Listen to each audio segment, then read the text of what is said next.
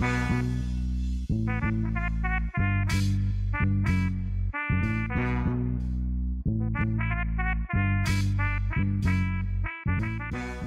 kembali lagi di Teknik Satu Talks.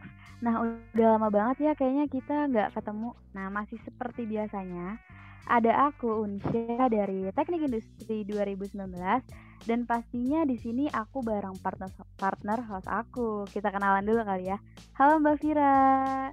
Halo, halo, halo semua. Kenalin aku Vira dari Teknik Geologi angkatan 2018.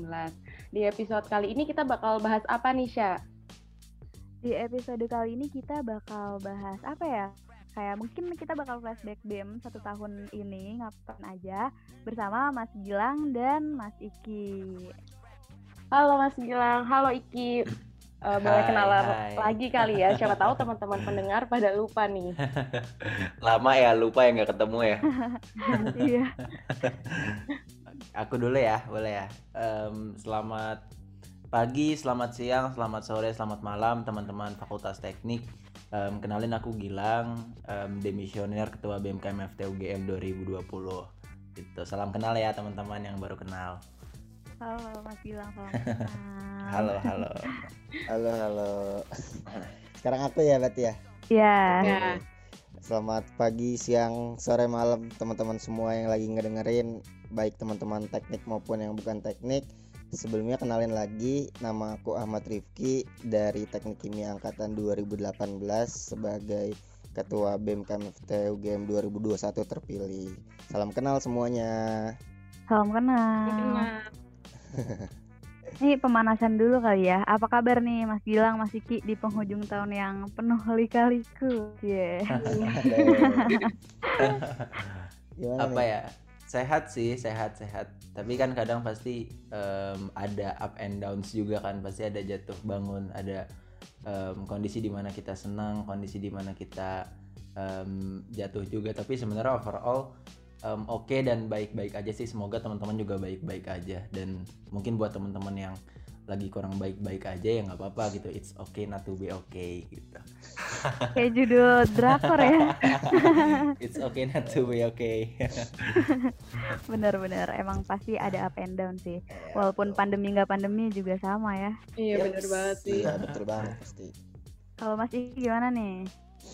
Ya alhamdulillah sama sih aku eh, eh, baik-baik aja. Cuman mungkin akhir-akhir ini agak kurang fit aja karena ya biasalah karena jadwal ujian yang sangat padat di minggu ini. Jadinya menuntut untuk eh, tubuh selalu maksimal. Tapi ya it's okay nggak apa-apa lah. Eh, pasti manusia baik di kala pandemi maupun enggak pasti ada up and down-nya juga benar kata Mas Gilang jadi ya dijalanin aja sih buat semuanya di sini mungkin yang lagi dengerin yang lagi di masa uh, jatuh-jatuhnya atau mungkin lagi di masa naik-naiknya ya pesanku semangat terus lah uh, karena waktu tuh pasti terus berjalan dan pasti keadaan ini akan terus berganti juga. Iya bener banget. Semoga teman-teman semua dan juga kita semua tetap diberi kesehatan. Apa pun yang terjadi ya udahlah ya jalanin aja. Yoi, betul. Ya, dan jangan lupa minum vitamin juga. Bener banget. Oh ya, kalau boleh kita flashback dikit tentang BEM teknik kabinetnya masih tempat manfaat. Nah, selama pandemi kemarin itu ada inovasi seperti apa aja nih, Mas Gilang? Oke, sebenarnya kalau bicara soal inovasi em, banyak ya em, inovasi-inovasi yang kita lakuin karena kalau menurutku pribadi kita cukup responsif gitu dalam menanggapi pandemi seperti ini bahkan baik dari segi internal maupun eksternal bahkan di awal ketika belum diminta untuk lockdown gitu di Fakultas Teknik kita udah ngadain rapat terbatas untuk em, menerapkan change management jadi crisis management um, plan gitu untuk BMKM FT UGM karena ya aku percaya bahwa um, pandemi nggak pandemi ya manfaat tuh harus tetap ada gitu. Bahkan kita jangan sampai um, se- sebagai organisasi yang memang goalsnya itu memberikan manfaat tapi karena pandemi kita jadi banyak kita jadi banyak em, alasan gitu ada sejuta alasan kita untuk vakum dan lain sebagainya gitu sih. Nah sebenarnya banyak banget gitu dari segi eksternal ada banyak muncul podcast podcast baru dan em, kita juga jadi banyak ngadain bantuan-bantuan sembako gitu. Jadi um, berdasarkan hasil riset yang kita kumpulkan. Bahkan secara capaian secara kuantitas ada 3110 responden gitu di um, dari mahasiswa Fakultas Teknik. Dan um, secara misalkan kita juga mengadakan um, seniman teknik walaupun itu sudah dilaksanakan sejak awal gitu. Itu kita punya 194 pos dan beragam um, kegiatan gitu yang dilaksanakan. Banyak banget gitu kita juga mengadakan kunjungan gitu walaupun um, online kita ngadain tujuh kali kunjungan. Podcast bahkan kita sudah berhasil mencapai 24 episode yang itu memang sudah direncanakan sejak awal tapi memang ada beberapa episode yang baru uh, muncul yang baru ada itu di tengah-tengah gitu. Webinar bahkan misalkan webinar kita melaksanakan 8 kali um, webinar yang itu pencapaian menurutku yang sangat-sangat luar biasa gitu di um, bahkan hampir setiap kementerian kita mengadakan webinar gitu. Ada banyak banget gitu penyaluran dana bantuan pun bahkan sampai 5 juta 600 ribu. Kajian-kajian kita menulis 12 kajian. Bahkan yang paling akhir nih um, walaupun kita melaksanakan Porsenigama offline eh, online sorry on, online kita pun tetap bisa menjadi juara umum. Jadi aku juga ingin mengapresiasi teman-teman dari Fakultas Teknik yang berhasil menjadi juara umum di Porsenigama 2020 walaupun kondisinya kita online. Itu sih sementara jadi prestasi di tengah pandemi yang menurutku sangat-sangat um, luar biasa dan aku mengapresiasi um, teman-teman pengurus harian teman-teman dari um, seluruh staff yang sudah berjibaku penuh dalam um, memberikan dan menerapkan change management di BMKM FTUGM yang sehingga bisa memberikan manfaat seluas-luasnya bahkan di tengah pandemi. Gitu sih Unsha, ini aku juga mengapresiasi ya luar biasa kalian-kalian juga yang um, banyak berjibaku penuh. Berarti cukup aktif ya. Udah bukan cukup lagi sih kayaknya ini aktif banget dari dilihat dari semua kementerian juga mereka langsung gerak cepat membuat proker-proker yang bisa online gitu ya. Dan kalau dilihat-lihat partisipasinya juga tetap ada banyak dari anak-anak teknik maupun anak BM sendiri gitu ya. Yap, betul sekali. uh, ngomong-ngomong tentang podcast nih, menurut Mas Gilang sama Iki sendiri, podcast Teknik Satu Talks itu secara keseluruhan gimana? Siapa dulu nih? Iki dulu deh. Ya, Oke, okay, Iki dulu. Boleh, secara keseluruhan ini ya podcast Satu Teknik itu bagus banget dari konsep karena uh, temanya ini bisa menyesuaikan dengan uh, kondisi-kondisi kita saat ini pun juga pengisi-pengisinya juga diambil dari uh, elemen-elemen di teknik gak cuma dari file doang tapi uh, ada dari gestar-gestar lain tergantung temanya. Uh, terus juga mungkin uh, dari aku sendiri itu ada yang episode yang paling seru sih menurutku karena relate banget dengan kondisi saat ini itu yang waktu itu bahas tentang mental health sama ketua dopamination oh nah, itu, iya iya. Ya itu karena kalau nggak salah dirilisnya tuh pas banget di tengah-tengahnya pandemi lagi hype pas lagi tinggi banget itu di uh, persiapan PPSMB juga waktu itu kan. Uh, dan yang dikatain di situ tuh bener banget maksudnya ya uh, apa namanya um, pandemi ini benar-benar berpengaruh terhadap mental orang-orang terutama mahasiswa ya uh, kita sebagai mahasiswa. Uh, karena aku juga uh, pernah berdinamika langsung sama orang-orang yang uh, kena gitu mentalnya karena pandemi ini. Bahkan dia di semester ini gak kuliah karena uh, harus bantuin orang tuanya kerja kan. Dia akhirnya buka kafe gitu. Nah itu aku uh, kenal sama orangnya. Aku tau lah orang itu gimana.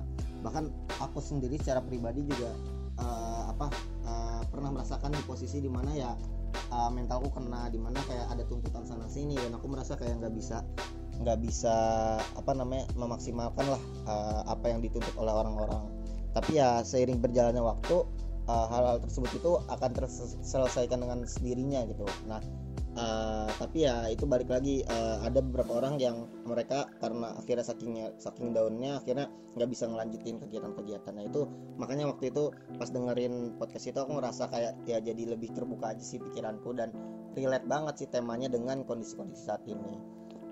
Gitu. Iya bener bener banget sih. Karena setiap orang itu sebenarnya pasti akan punya masalah mental di waktu yang emang gak menentu tapi kalau menurut aku sendiri pasti ada karena kan pasti ada naik turun berarti pasti ada kayak masalah-masalah mental yang kayak stres dan lain-lain. Dan yeah. benar banget den dengan adanya podcast yang episode kemarin itu aku juga bahkan ngerasa itu ngebantu aku juga gitu. Banyak informasi-informasi yang ada di situ yang pakai buat diri sendiri gitu. Dan mungkin buat sharing ke teman-teman sekitar aku gitu bener sih. Iya bener banget. Yang mental yang episode tentang mental tuh aku juga suka sih karena kayak ngerasa ini gak sih healing dan kita nggak sendirian ngerasa kayak gitu gak sih? Bener banget kan? Mantap mantap. Keren keren Uh, keren. kalau dari Mas Gilang sendiri gimana nih? Eh, ini ya soal apa namanya podcastnya ya pandangan tentang podcast ya. Tuh kalau aku pribadi sebenarnya eh, dari awal aku termasuk salah satu orang yang mencetuskan em, podcast ini. Jadi mungkin aku akan sedikit mengulas nih gimana sebenarnya akhirnya apa terbentuk podcast teknik satu talks gitu. Dulu sebenarnya dulu sebenarnya ini ngide aja antara aku sama em, Algif gitu Menko Menko Exjarku kan. Kalau misalkan em, gabut eh, apa ya gabut gabut gini kan di tengah pandemi tiba-tiba ngapain ya kira-kira biar kita bisa ngomong bisa sharing bisa tetap aktif juga gitu karena podcast ini jadi salah satu tren yang menurutku cukup signifikan gitu peningkatannya di tengah pandemi seperti ini. Dan kita juga menemukan formula gimana caranya biar bisa tetap em, record audio yang itu bahkan saat kita nggak dalam satu tempat dan dalam satu waktu sekaligus gitu.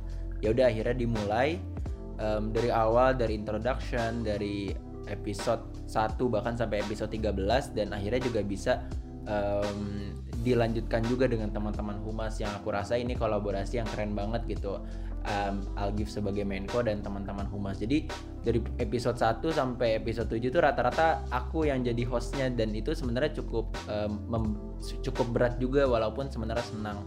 Gitu sih. Jadi em, alhamdulillah juga bahkan sudah bisa mencapai em, 150 followers dan em, 3000-an pendengar gitu dalam 13 podcast yang ini prestasi yang luar biasa banget untuk BMKM FTUGM karena aku yakin podcast ini pun bukan hanya milik Algif, bukan hanya milik Humas tapi milik em, BMKM FTUGM sebagai lembaga gitu.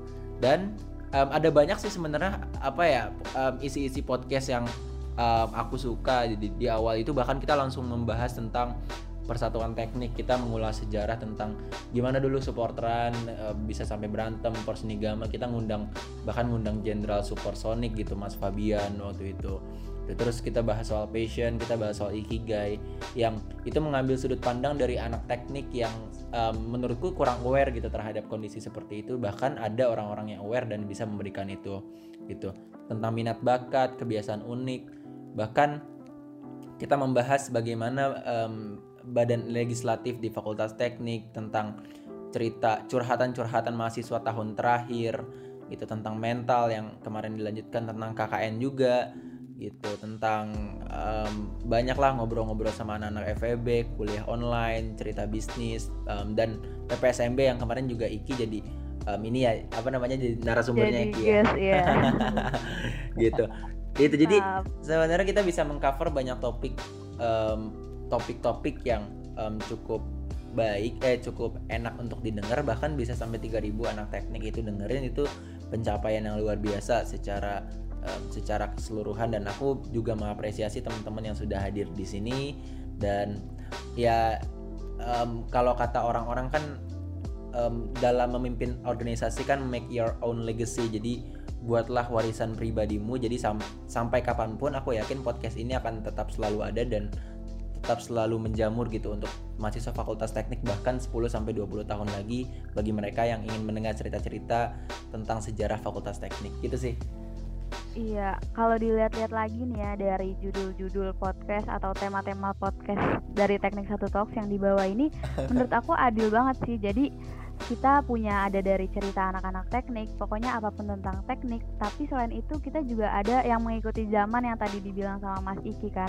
Tergantung tadi ada yang di masa pandemi, terus ada juga pas lagi PPSMB kita undang PPSMB. Jadi cukup adil dan cukup menarik sih kalau dari konsep dan tema yang dibawa sama teknik satu talk. betul Bener banget. Bisa buat temenin ini gak sih nemenin masa kuarantin di rumah di saat pusing-pusing juga sama tugas-tugas kuliah gitu-gitu kan.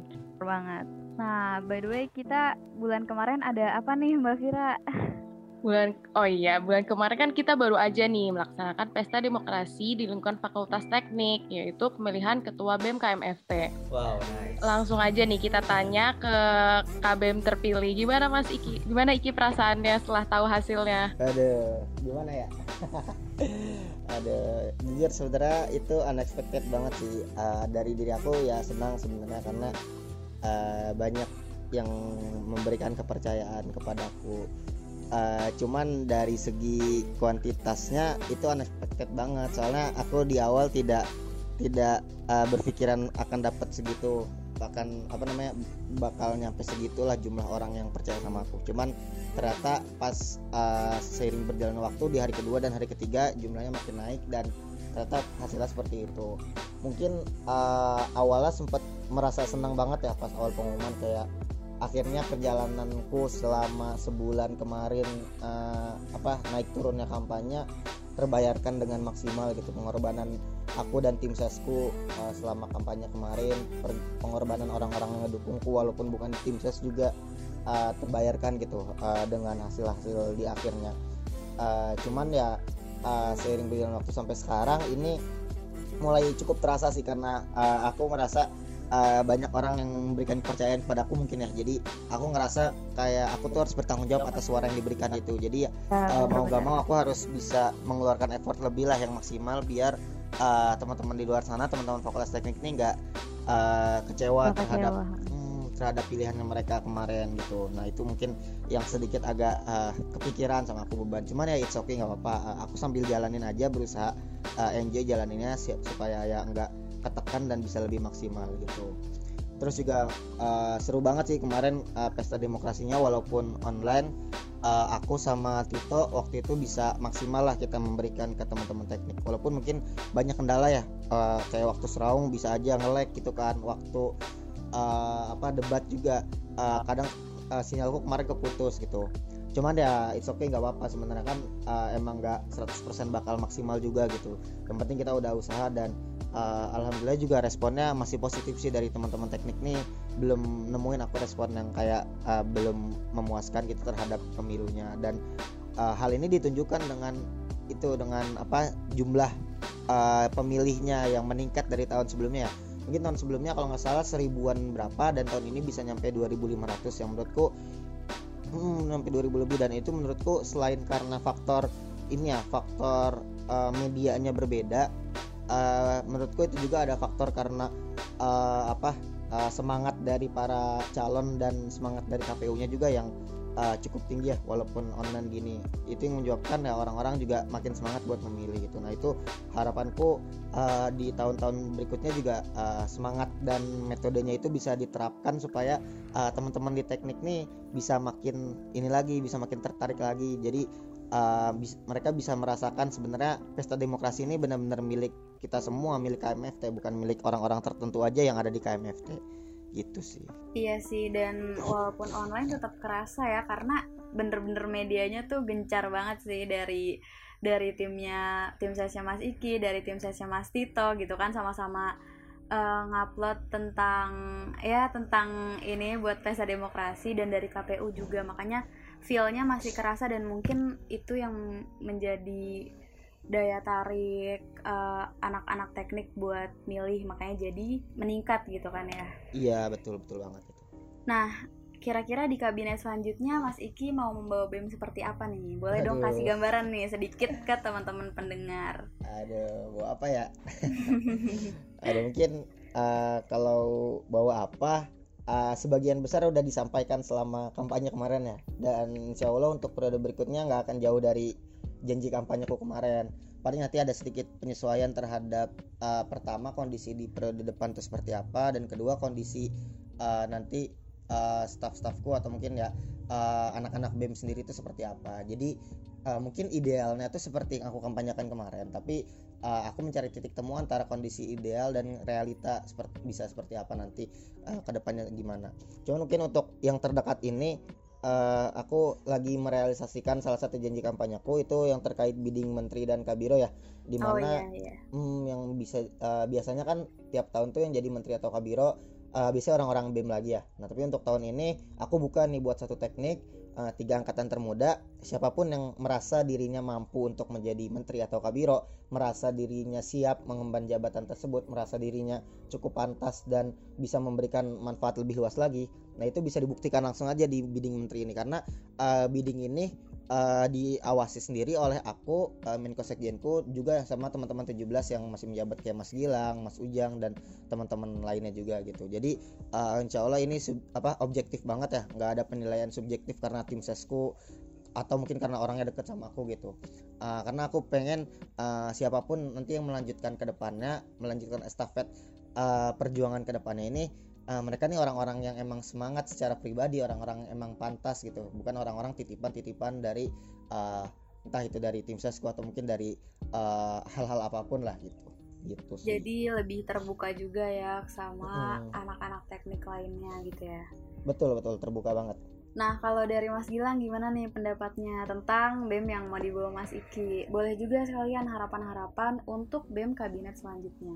Oke, menarik sih ini. Um, ini selalu aku sampaikan di depan teman-teman BEM dan depan teman-teman teknik gitu ketika kemarin menjelang pemilu bahwa ya setiap orang ada masanya dan setiap masa tuh ada orangnya gitu. Karena kita organisasi yang setiap tahun itu pasti silih berganti baik itu ketua baik itu anggota-anggotanya itu karena memang kita organisasi yang dinamis jadi sejujurnya harapanku pasti ada hal-hal baru yang bisa diberikan ke mahasiswa fakultas teknik tapi atas dasar kebutuhan mereka gitu. Jadi harus berdasarkan needs and interest mereka. Mereka suka apa dan mereka butuh apa itu kalau bisa banyak um, dipenuhi juga. Dan jangan lupa gitu BEM BEM ini bukan organisasi serba bisa bukan organisasi serba guna. Jadi perlu ada fokusan-fokusan yang kita um, spesifik berikan manfaatnya. Jadi jangan sampai um, mentang-mentang kita punya fungsi pelayanan fungsi kemasyarakatan fungsi pergerakan secara sekaligus kita malah fokus ke semua hal yang sebenarnya ada banyak hal yang gak bisa kita jangkau dan itu sudah dijangkau banyak sama teman-teman himpunan BSO dan MPM gitu. Jadi kita mengisi celah kita mengisi ruang-ruang yang belum diisi banyak oleh teman-teman di luar sana karena um, itulah ruang-ruang yang bisa kita berikan manfaatnya secara lebih luas gitu ketimbang kita tabrakan sama mereka sama himpunan-himpunan sama BSO BSO sama MPM yang um, kita memberikan manfaat yang sama itu itu yang pertama sih. Yang kedua ya yang pasti BEM ini kan adalah legacy BEM ini adalah warisan sejak pertama kali berdiri secara umum ini kan BEM adalah lembaga yang hadir untuk menjadi moral force, menjadi social control, menjadi agent of change dan menekan pemerintah gitu, menekan rezim yang ada. Jadi tetap utuh dengan pendirian, tetap utuh dengan um, idealisme kita sebagai mahasiswa gitu kan kalau misalkan kata Tan Malaka kan um, ideal idealisme adalah kemewahan terakhir dari mahasiswa jadi selama kalian menjadi mahasiswa selama menjadi anggota BEM selama menjadi pengurus BEM uh, pegang teguh idealisme tersebut untuk memberikan manfaat kepada orang-orang luas gitu.